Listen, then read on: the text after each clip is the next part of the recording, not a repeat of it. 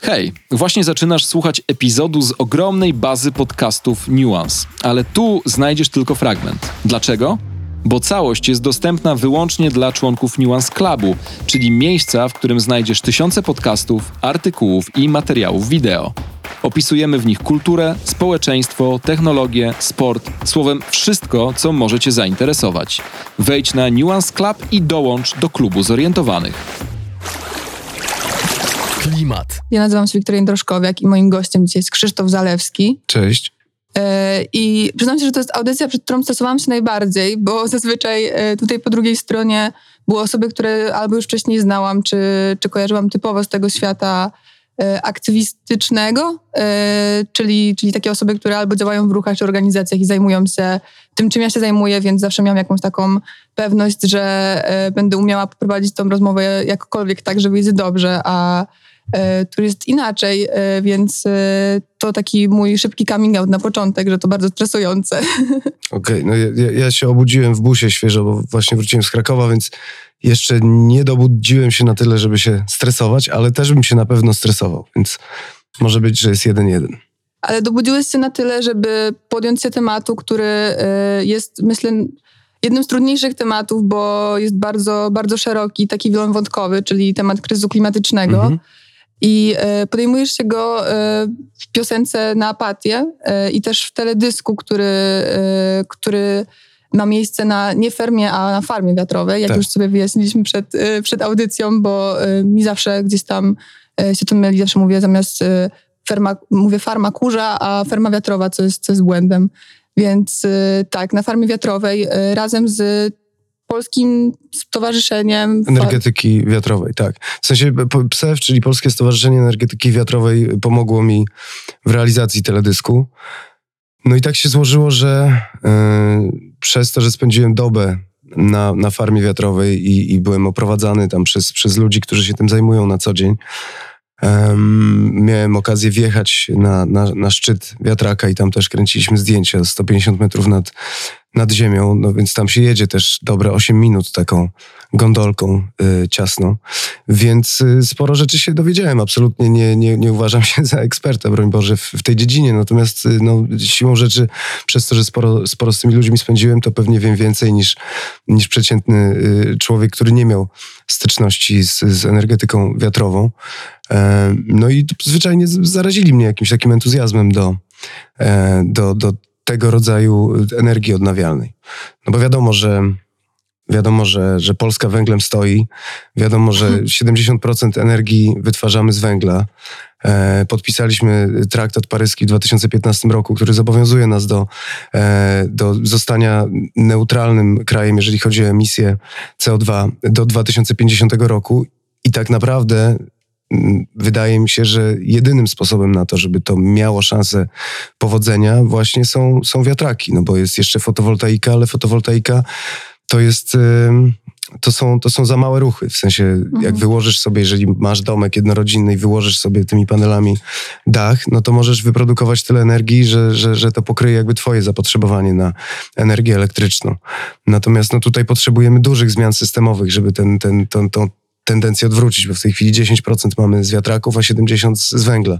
Więc żeby 70 było z wiatraków, no to, to trzeba po prostu pójść, pójść w to, bo tu są rzeczywiście, te turbiny generują e, mnóstwo prądu. Jest to, jest to czysta, czysta energia, więc no ja, ja nie widzę, nie widzę e, alternatywy, no bo jeszcze można mówić o, o budowaniu e, elektrowni jądrowych, no ale tutaj wiem na pewno za mało na ten temat i wydaje mi się, że, że przede wszystkim no jest, to, jest to dużo trudniejsze jednak, pomijając zagrożenia które wszyscy znamy.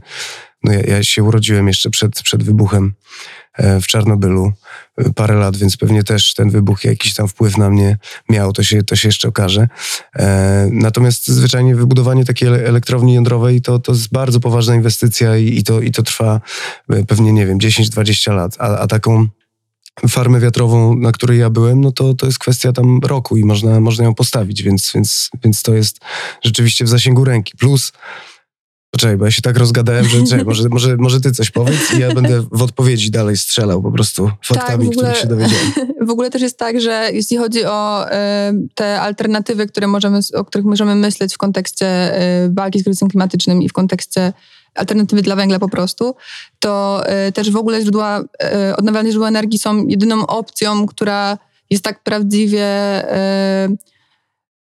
jest prawdziwą odpowiedzią na ten kryzys, z którym się mierzymy, dlatego że e, jakby kolejne budowanie, wiesz, elektrowni atomowych to, są, to jest po pierwsze czas, na który już nie mamy, już wiemy, że tego czasu mamy coraz mniej, ale też jest kwestia tego, że to znowu tworzy jakąś taką grupę osób, która będzie odpowiedzialna za to. I tak jak teraz mamy lobby węglowe, które e, no, sprawia, że nie możemy odejść od węgla w Polsce tak. za moment, czy do 2030 roku, tak jak powinniśmy według, e, według nie wiem, raportu IPCC, czyli tego najważniejszego raportu, to e, tak też jakby elektrownia atomowe powodowałoby tą samą sytuację, że za 50, 60, 70 lat znowu mielibyśmy jakąś grupę osób, które byłyby za to odpowiedzialne i nie pozwalałyby w cudzysłowie na, na odejście od tego. Mnie trochę zastanawia, bo e, opowiadałeś też przed wejściem na antenę o tym, że y, osoby, które oprowadzały cię właśnie mhm. i, i po farmie wiatrowej i w ogóle, które opowiadały tobie o całym problemie, E, no, przekonało cię do tego i jakoś zaraziły ciebie tak. tą... tą e, Entuzjazmem, bo to ewidentnie po prostu ludzie tacy na, napakowani entuzjazmem. E, był taki Artur, który, który jest odpowiedzialny, jest site managerem, czyli odpowiedzialny jest za, za, za budowę tych farm i na całym świecie to robi od lat. Zresztą wie, wie, wiele tam osób było, było bardzo sympatycznych, ale on po prostu z takim błyskiem wokół opowiadał o tym, że, że to jest naprawdę mm, najlepsze rozwiązanie. I wydaje mi się, przekonał mnie też jedną rzeczą, oprócz tego, że w tej chwili startuje za chwilę budowa y, wielkich offshore'owych farm wiatrowych na morzu. Tam 20-30 kilometrów od brzegu, żeby nie psuć widoku, jak tam będziemy się opalać i tak dalej. E, I to jest gigantyczne przedsięwzięcie, bo te wiatraki są trzy razy większe. Czyli jak mhm. ja byłem na wiatraku, który miał 150 metrów, to te będą miały po prostu po pół kilometra, to jakieś takie olbrzymy. Na morzu bardziej wieje, więc tej energii będzie można wyprodukować no, naprawdę sporo więcej. Natomiast jest to na tyle olbrzymie przedsięwzięcie, że zaangażowane w to muszą być podmioty rozmaite, inne kraje również, bo my sami jako Polska z, z całym naszym e, dobrodziejstwem inwentarza, z, z, całym naszym budżetem nie jesteśmy w stanie tego sami wykonać, więc oprócz tego, że, że potrzebna jest jakaś taka ponadnarodowa współpraca, to też, co, co mnie cieszy, tutaj w Polsce musimy się dogadać ponad politycznymi podziałami. No, co też daje jakąś taką iskierkę nadziei, no bo ja jestem bardzo, że tak powiem, politycznie opowiadam się yy, i, i, nie podoba mi się to co, to, co się dzieje w kraju, natomiast to jest jakaś taka nadzieja na to, że jednak w tej takiej kluczowej kwestii, mhm. czyli czystego powietrza, tego, czym będą oddychać nasze dzieci, jednak politycy będą mogli się dogadać, mimo tego, że na co dzień nie chcą ze sobą rozmawiać. I, i dlaczego ma to szansę powodzenia, to właśnie Artur mi wytłumaczył, bo to jest po prostu świetny interes na tym e, te, te koty, jakby e, e, tuzowie kapitalizmu mogą zwyczajnie zarobić hajs. I dlatego to ma szansę powodzenia, bo, bo, bo jakby no, możemy nieść tam flagę, jakby, że, że chcemy e, naprawiać powietrze, chcemy dla naszych dzieci naprawiać świat, ale dopóki, mm, dopóki nie, nie będzie to po prostu y, interes, no to ciężko będzie przekonać jakby ideowo ludzi, którzy mają pieniądze, żeby zainwestowali w coś takiego. A to jest strasznie smutne, ale prawdziwe. Tak, no i dlatego to ma szansę zwyczajnie powodzenia, więc pomijając jakby etyczne tam sprawy i, i wszystkie, Myślę, że to jest jeden z powodów, dla których, dla których to, to ma szansę się udać. Nie? I, i, I rzeczywiście jest szansa, że jak ruszą te farmy offshore'owe, jak, jak e, w końcu zniknie ta zasada 10H wprowadzona w 2016 roku, że nie można wybudować wiatraka w odległości mniejszej niż dziesięciokrotność jego wysokości, czyli jak wiatrak ma 150 metrów, to w odległości półtora kilometra nie może być zabudowań, co jakby e, powoduje, że nie można w ogóle budować mhm. nowych farm w Polsce, bo nie mamy takich połaci przestrzeni. No ale ten przepis ma się zmienić. Um, no i, i, i, to jest, i to jest szansa dla nas. No. A, a odpowiadając na, na jakieś zarzuty, że, że nie wiem, że to psuje krajobraz, że psuje tam szlaki migracyjne ptaków i tym podobne rzeczy, e, no to kwestia krajobrazu, no to jest kwestia powiedzmy indywidualnej estetyki. Natomiast jeżeli chodzi o szlaki migracyjne ptaków, to przed budowami kolejnych farm wiatrowych zawsze jest zbierane, przynajmniej tak mi tłumaczyli. Być może ja jestem zepsuty, bo jakby słuchałem jednej strony, natomiast opowiadali mi, że, to, że, że zawsze to robią w porozumieniu z e, organizacjami ekologicznymi e, i tak ustawiają te, te, te farmy, żeby nie zakłócać tych szlaków migracyjnych. A jeżeli chodzi o ptaki, które wbijają się tam w te, w te śmigła, w te, mm, czekaj, jak to się nazywa, te No wiadomo, o śmigło chodzi, no. tak, to się nazywa jakoś tam inaczej, ale, ale, ale e, no to, to podobno to jest typu 1% y, y, ptaków, które, które giną w, w zderzeniu z budynkami mieszkalnymi gdzieś tam na obrzeżach miast, więc to jest tak naprawdę, to nie, to nie jest problem. No Tak, i, to jest taki temat zastępczy, który e, właśnie pod taką fałszywą e, myślą o ochronie środowiska e, chce się,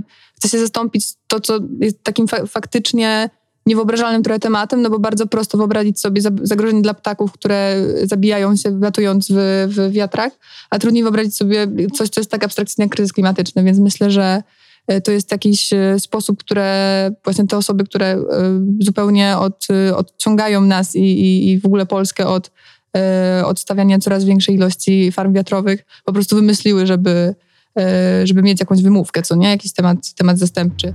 Dzięki za wysłuchanie bezpłatnej części tego podcastu. Jeśli masz ochotę na więcej, dołącz do Nuance Clubu, klubu zorientowanych i spędzaj mniej czasu na słuchaniu takich komunikatów, a więcej na słuchaniu całych podcastów. Sprawdź, co dla Ciebie przygotowaliśmy i rób razem z nami niezależne, rzetelne i pasjonujące media.